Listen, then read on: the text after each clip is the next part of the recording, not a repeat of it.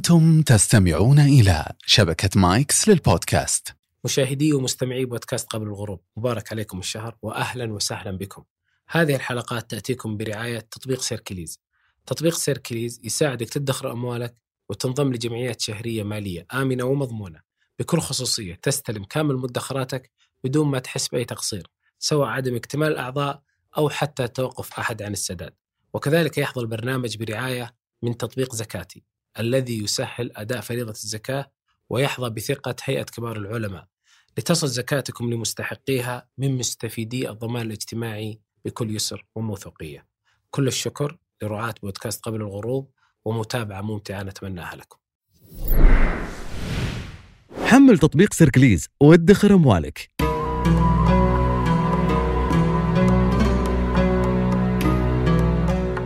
السلام عليكم.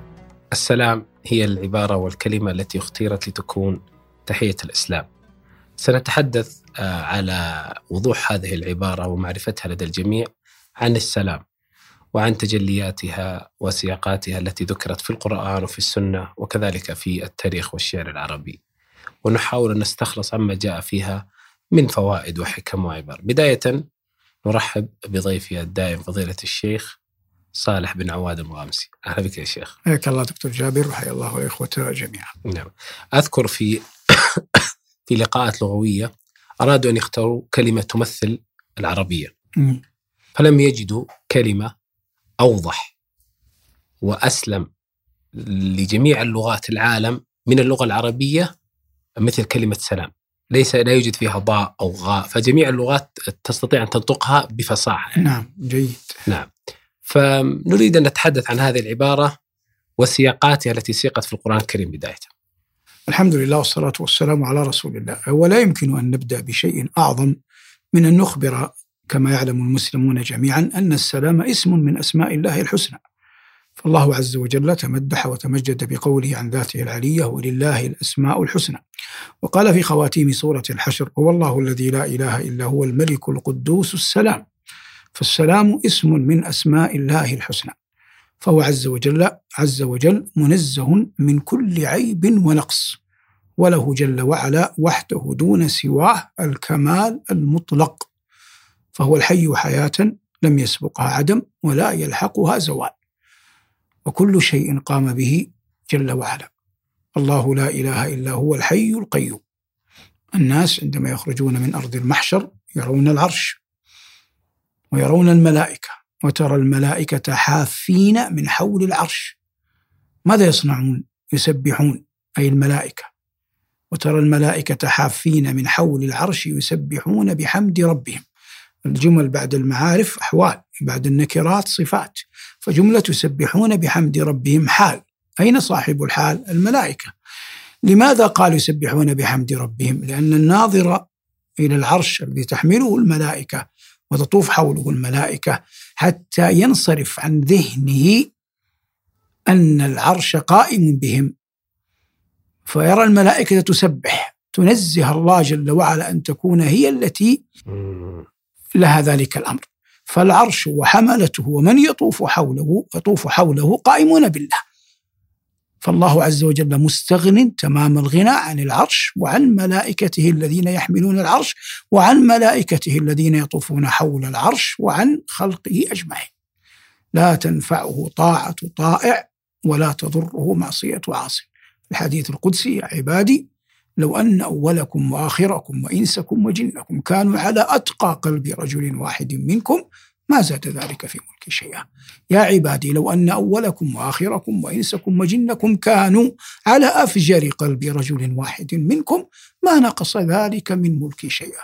يا عبادي لو أن أولكم وآخركم وإنسكم وجنكم قاموا في صعيد واحد فسألوني فأعطيت كل ذي سؤل مسألته ما نقص ذلك من ملكي شيئا؟ إلا كما ينقص المخيط إذا أدخل البحر. فالله عز وجل غني فلما نقول إن من أسماء الله الحسنى السلام كما نص القرآن فمعنى ذلك أنه جل وعلا منزه عن كل عيب ونقص أبدا. هو الحي لا إله إلا هو فادعوه مخلصين له الدين. وتوكل على الحي الذي لا يموت. وما كان الله ليعجزه من شيء في السماوات ولا في الأرض إنه كان عليما قديرا. هذا البدء. الجنة تحية أهلها السلام. قال الله تحيتهم يوم يلقونه سلام. السلام يأتي من الله سلام قولا من رب رحيم. وسلام يأتي من الملائكة. وسيق الذين اتقوا ربهم إلى الجنة زمرا حتى إذا جاءوها فتحت أبوابها وقال لهم خزنتها سلام عليكم. والنداء العام ادخلوها بسلام آمنين. وسمى الله عز وجل جنته دار السلام. قال الله في وعده لعباده المؤمنين لهم دار السلام عند ربهم. دار مضاف السلام مضاف إليه. لماذا أضيفت إلى السلام؟ تحتمل لغويا ثلاث معاني. تكون مضافة إلى خالقها. فيصبح دار السلام دار الله باعتبار أن السلام اسم من اسمائه الحسنى. هذا يحتمله المعنى. الأمر الثاني أضيفت إلى التحية بين أهلها لأن الله عز وجل قال تحيتهم يوم يلقونه سلام فتحية أهل الجنة السلام. فتصبح مضافه إلى التحية وتصبح على المعنى أن أهلها سالمون من كل آفة من كل عيب لا يمسهم فيها نصب ولا يمسهم فيها لغو فهي باعتبار حال أهلها وهذا أرجح المعاني. وإن كان الأول, الأول والثاني يحتملها اللغة تحتملها المعنى. فالجنة سماها الله عز وجل دار دار السلام جاء في القرآن سفينة نوح. وكيف كانت الأمواج كالجبال. ثم قال الله عز وجل قيل يا نوح اهبط بسلام منا وبركات عليك بأمن وطمأنينة ونجاة وبراءة. وبركات عليك البركة الزيادة والنماء. واعظم دليل أن كل من على الأرض اليوم من البشر والدواب والأنعام والسباع والطير كلها من ذرية من مع من من ذرية من كان مع نوح في السفينة. فأي بركة أعظم من من هذه؟ كل من على الأرض اليوم هم من من هذه الذرية. وسيبقون إلى يوم القيامة. يعني جيلا بعد جيل وذرية بعد ذرية ونسلا بعد نسل. اهبط بسلام منا وبركات عليك. فهذه مفردة السلام مثلا في في القرآن. وجاءت في آيات كثيرة كلها تنبئ على أن الإنسان حتى عندما يخاطبه أهل الجهالة قال الله عز وجل وإذا خاطبهم الجاهلون قالوا سلاما ليس المقصود بالسلام هنا التحية إنما البراءة من الصنيع أننا لا نجاريكم ولا نخوض فيما خضتم فيه ولا نكون نقبل على أنفسنا أن نخوض فيما خضتم فيه. إذا جريت في خلق دنيئة فأنت ومن تجاريه سواء كما قالت العرب على لسان أبي تمام في شعرها. فهذا في قوله تعالى وإذا خاطبهم الجاهلون قالوا سلاما. من تأمل القرآن وجد هذا كله حتى الإنسان إذا دخل الدار غير مسكونة. فمن المشروع له أن يسلم على أهل على نفسه. فسلموا على أنفسكم تحية من عند الله مباركة طيبة. يقول القائل منهم وهو داخل داره إذ لا أحد في الدار السلام علينا وعلى عباد الله الصالحين. كلنا عرضة للسفر ويسكن في الفنادق ويعطى الغرف فإذا دخلها ولا أحد قبله فيها يقول السلام علينا وعلى عباد الله الصالحين. فسلموا على أنفسكم تحية من عند الله مباركة طيبة. فالله سمى هذه التحية مباركة طيبة وقال حتى تستأنسوا إذا فيها حتى تستأذن وتسلموا على أهلها. حتى عند الخروج عند الوداع عند التشييع. يسلم الإنسان فليست الأولى بأولى من الثانية. يسلم وهو مقبل ويسلم وهو غاد رائح مودع. هذا كله ما جاء في القرآن في قضية مفردة السلام التي هي أمر عظيم منشود يطلبه كل كل أحد. وقد اختصرت على بعض الآيات وإلا ذكرها في القرآن كثير ويكفي كما قلنا أنها اسم من أسماء الله الحسنى. هذا ما يتعلق إن شئت الكفاية به عن قضية السلام في كتاب الله جل وعلا. آه كذلك السلام آه ورد كثيرا في السنة. ما الذي يمكن أن نستخلصه؟ الذي يمكن أن نستخلصه أن النبي صلى الله عليه وسلم فرق ما بين قولنا السلام عليكم وبين قولنا عليكم السلام. جاء جابر بن سليم أبو جري رضي الله عنه إلى النبي صلى الله عليه وسلم قال رأيت رجلا يصدر الناس عن رأيه. قلت من هذا؟ قال رسول الله. فقلت عليك سلام الله. فلم يرد. قلت عليك سلام الله. فلم يرد. ثم قال لي لا تقل عليك سلام الله. عليك سلام الله تحية الموتى. قل السلام عليكم. هذا مهم جدا في فهم كيف يحيى من يذكر من الموتى عينا. لا قبرا هذه واحد الأمر الثاني حتى الموتى سلم النبي عليه الصلاة والسلام عليه. جاء في الحديث الصحيح أنه صلى الله عليه وسلم وضع نعليه عند فراشه. ثم اضطجع. حتى غلب على ظنه أن أم المؤمنين عائشة قد رقدت. هي تقول الرواية عنها.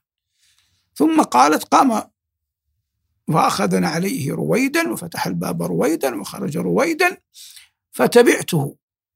تخمرت شدت على نفسها إزارها تقنعت كما تحتجب النساء ثم تبعته. حتى أتى بقيع الغرقد. شرق مسجد رسول الله صلى الله عليه وسلم باق إلى اليوم. قالت فرفع يديه يدعو ثلاثا. قالت ثم انحرف. فانحرفت. ثم هرول فهرولت.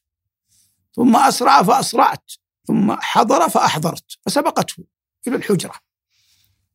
وكونها لتوها قد سرعت والأصل أنها تركها راقدة وبدهي جدا أن النفس يصعد وينزل. فلما دخل وجدها على هذه الحال وضع يده عليه الصلاة والسلام على صدره. قائلا ما لك يا عائش حشي الرابية الرب والصعود.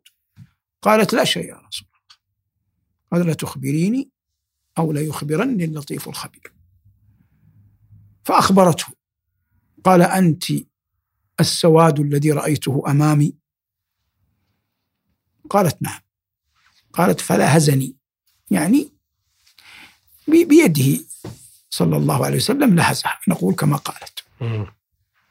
ثم أخبرها إن جبريل أتاني وأمرني أن أخرج لأهل البقيع فأستغفر لهم. قلت يا رسول الله ماذا نقول؟ قال قولي السلام عليكم أهل الديار من المؤمنين والمسلمين. يرحم الله المستقدمين منا والمستأخرين. نسأل الله لنا ولكم العافية. هذه بعض الأحاديث التي وردت في السلام على الموتى. فالدين يجعلنا حتى الموتى في قبورهم إذا جئناهم نسلم عليهم وندعو لهم.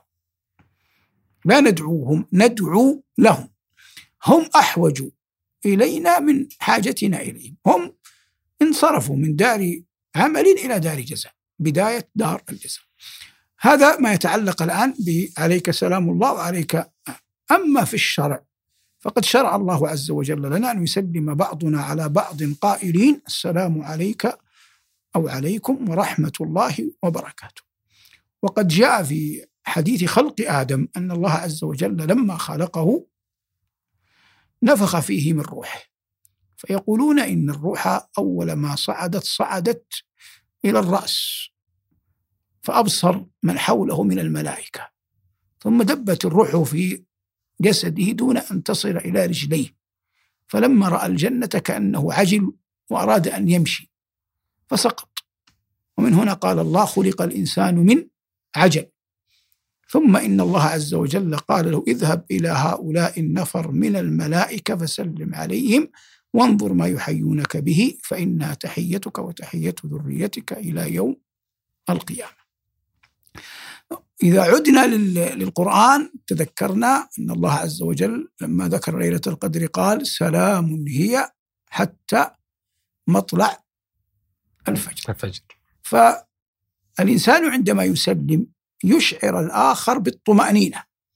في خبر نبي الله إبراهيم عليه السلام لما جاءته الملائكة أول الصنيع ما صنعت أنها سلمت. قالوا سلاما قال سلام. فرد عليهم التحية. ثم قال قوم منكرون. ولما لم يطعموا من زاده زاد خوفه منهم. إنا منكم وجلون صابنا خوف. فطمأنوه إنا رسل ربك. هذه قالوها للوط. ثم أخبروه بشأنهم وأنهم ملائكة. فالسلام في الأمم حتى قبل الإسلام كان قائما. الملائكة تسلم. النبي صلى الله عليه وسلم عندما عرج به كان يسلم إخوته من النبيون عندما التقى بهم في رحله الإسراء والمعراج سلم عليهم صلوات الله وسلامه عليه. المقصود هي تحية المسلمين منذ أن كان الإسلام وتحية الأنبياء قبلهم خلدها القرآن وخلدتها سنة النبي صلى الله عليه وسلم. صلى الله عليه وسلم. طبعا السلام حاضر أيضا في في, في التاريخ آه، العربي في الأدبيات وخاصة الشعر يعني. ما الذي ممكن أن نستفيد ممكن أن يقول على يأتي على طرائق أدبية يعني الآن ننتقل من قضية الوعظ القرآني والنبوي إلى قضية يعني السياحة في عالم الأدب. الأحوص شاعر عاش في عصر بني أمية. تزوج امرأة لم تكن بذات حسن وجمال. أخبرته أن لها أختا في طريق كذا وكذا عند ماء كذا وكذا في حي بني فلان وتريد أن تمر عليها في سفر لهما. فلما أتى الديار التي فيها أخت زوجته نظر إلى تلك الأخت وجدها جميلة. ثم أخبر عن زوجها ولم يكن زوجها بحظها بحظ من الجمال مثل زوجته فأخذ الأحوص على تمرده ينظر إلى المرأة وزوجها إلى المرأة وزوجها. واسمه مطر. فقال أبياته الشهيرة سلام الله يا مطر عليها وليس عليك يا مطر السلام. فطلقها فلست لها بكفء وإلا يعلو مفرقك الحسام. فإن كان النكاح أحل شيء فإن نكاحها مطرا حرام. فلا غفر الله لمنكحيها ذنوبهم وإن صلوا وصاموا. يعني أن ولاة أمرها أباءها وأبوها وأخوها لم يحسنوا زواجها هذا البيت كما تعلم شاهد نحوي شهير. العرب كما تعلم في المنادى يقسمونه إلى أقسام. خمسة خمسة يقسمونه إلى مفرد فيبنونه على الضم. فيقولون في منادات محمد. محمد يا محمد يا صالح يا جابر يا خالد يا نوح اهبط بسلام منا يا إبراهيم قد صدقت الرؤيا. إلى غير ذلك. وإذا كان مضافا نصبوه يا عبد الله. وإذا كان كذلك شبيه. شبيها بالمضاف يا طالعا جبلا. وإذا كان نكرة مقصودة بنوه على الضم يا نار كوني بردا وسلاما مبني على الضم. وإذا كان نكرة غير مقصودة نصبوه يا نارا ثم جاءوا لهذا البيت. الذي قاله الأحوص. هو قال سلام الله يا مف... النحوية المفروض يقول يا مطر من غير تنوين مبني على الضم في محل نصب. لكنه نونه. للضرورة الشعرية. فقال سلام الله يا مطر. والصواب يا مطر لكن البيت ينكسر. سلام الله يا مطر عليها. في الشطر الثاني لم يحتج للضرورة الشعرية. فأبقاه على الأصل وليس عليك يا مطر. ما نونها مثل الأولى. بقي على الأصل على القاعدة وسلام الله يا مطر عليها. وليس عليك يا مطر. السلام. فأصبح شاهدا نحويا. وفي قوله كذلك فطلقها فلست لها بكفء وإلا هذا في الحذف أي وإن لم تطلقها يعلو مفرقك الحسام يعلو تكتب باللام عليها الضمة دون الواو لأنها واقعة في جواب الشرط والفعل مختوم بحرف العلة وعلامة جزمه حذف حرف العلة. هذه سياحة نحوية يعني. ذكروا كذلك في السلام في قضية معن بن زائد الشيباني. وهو من المخضرمين. إذا قلنا أن المخضرم هنا أدرك الدولة الأموية والدولة العباسية. وقد كان طلبة أمير المؤمنين أبي جعفر المنصور يعني ينشده يطلبه ففر منه حتى كان يوم الهاشمية. هاشمية مكان غير بعيد عن بغداد. وفيه تآمر من تآمر على أبي جعفر. وقيل إن الذين تآمروا عليه أرادوا أن ينتقموا لأبي مسلم الخراساني الذي قتله أبو جعفر. المهم أن معنى خاض المعركة دفاعا عن أمير المؤمنين أبي جعفر المنصور. واستطاع أن يصد أعداءه عنه. كل ذلك وأبو جعفر ينظر إلى ذلك الفارس الملثم ولا يعرفه. فلما فرغ الأمر وذهب الأعداء ونكل بهم ووقع من وقع منهم. قال له من أنت؟ قال أنا طلبتك يا أمير المؤمنين أنا معن بن زايدة فأكرمه ووصله. حتى أصبح يعني أميرا على إحدى الثغور. فجاءه رجل أعرابي كما تقول القصة وقد قلتها مرارا يختبر حلمه. أنا أتكلم الآن عن السلام. وكان معن قد اشتهر بالحلم والكرم. فلما دخل عليه قال له أتذكر إذ لحافك جلد شاة وإذ نعلاك من جد البعير؟ قال معن أذكر ولا أنساه. قال فلست مسلما ما عشت دهرا على معن بتسليم الأمير. يعني أنت معين أمير. المفترض أن أقول السلام عليك أيها الأمير. لن أقول السلام عليك أيها الأمير. أنا لا أعترف بإمرتك. سأقول السلام عليك يا معن. فقال معن إن السلام يا أخ العرب إن السلام سنة. تأتي به كيفما شئت. المهم أن تسلم. سلام الله ولست مسلما ما عشت دارا على معنى بتسليم الأمير. ثم بقية القصة. قال له فجد لي ابن ناقصة بشيء فإني قد عزمت على المسير. قال أعطوه ألف دينار. قال قليل ما أتيت به فإني لا أطمع منك بالمال الوفير. قال زده ألفا أخرى. قال سألت الله أن يبقيك ذخر فما لك في البرية من نظير. قال أعطوه ألفا أخرى. قال والله يا معن ما جئتك إلا لأختبر حلمك وجودك وإن الله أعطاك ما لو قسم على أهل الأرض لكفاهم. قال يا غلام كم أعطيته على نظمه. قال ثلاثة ألاف دينار. قال أعطيه مثلها على نثره. المقصود قوله إن السلام سنة تأتي به كيفما كيفما شئت. ذكروا كذلك في الأخبار والعلم عند الله. أن أمير المؤمنين عمر بن الخطاب رضي الله عنه وأرضاه لما ذهب إلى الشام.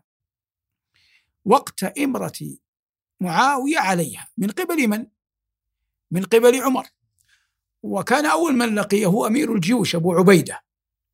وكان مع عمر فيما تقول الرواية عبد الرحمن بن عوف.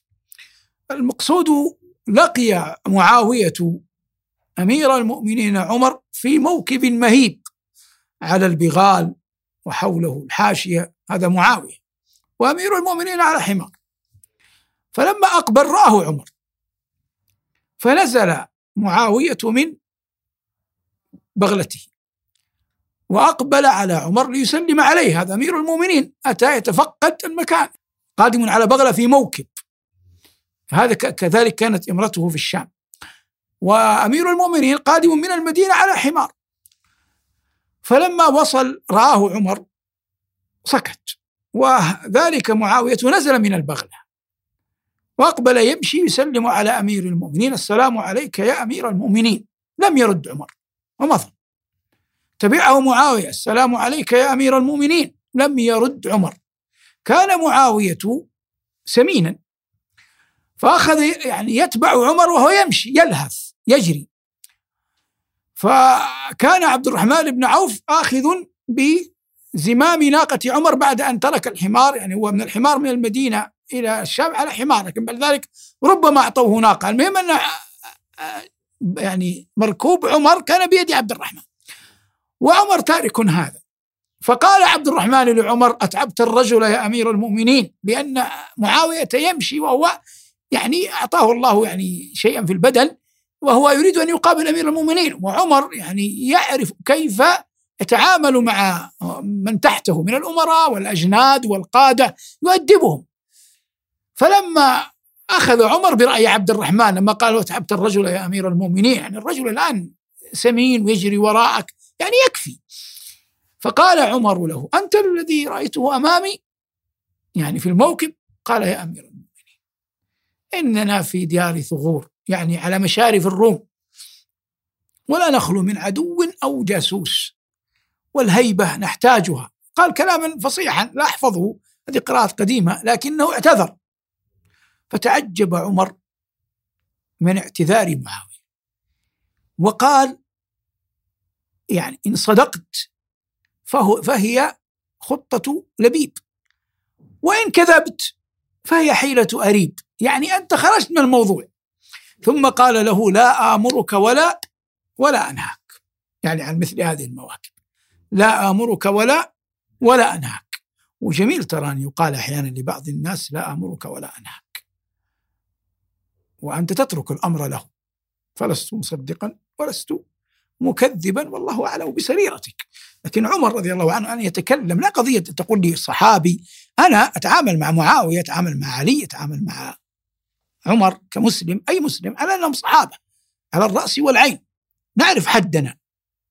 لكن معاوية يتعامل معه وتقول لي كيف يتعامل معاوية مع صحابي؟ الآن عمر مع صحابي. عمر يتكلم بوصف أمير المؤمنين مؤتمن على الأمة.